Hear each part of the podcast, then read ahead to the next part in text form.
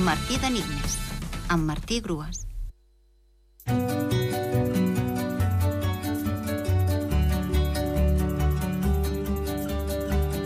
L'enigma de divendres era personatge de ficció de quatre xifres, quatre lletres i quatre potes. I la resposta era 1001. Fàcilment es pot veure que el número 1001, 1001, té quatre xifres. L'altra banda, la paraula 1001 té quatre lletres. I finalment, 1001 és un gos de raça Fox Terrier de pèl dur i blanc, company de Tintín a la sèrie de còmics que duen el mateix nom que el protagonista. Ficció original del dibuixant belga Hergé. El dia 24 de gener havien de tenir lloc les eleccions a la presidència del Barça, per la qual cosa els enemics de la setmana girarien entorn del Club Blaugrana.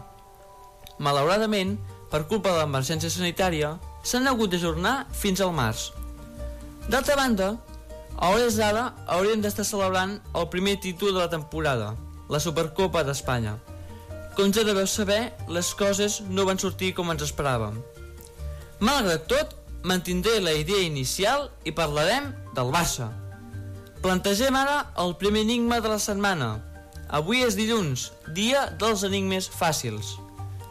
El jugador del Barça més positiu, de 5 lletres. El jugador del Barça més positiu, de 5 lletres. Podeu enviar la resposta a martidenigmes.solsonafm.gmail.com abans de les 10 de la nit. Ens retrobem dimecres a la mateixa hora amb un nou enigma. Fins dimecres i molta sort als participants.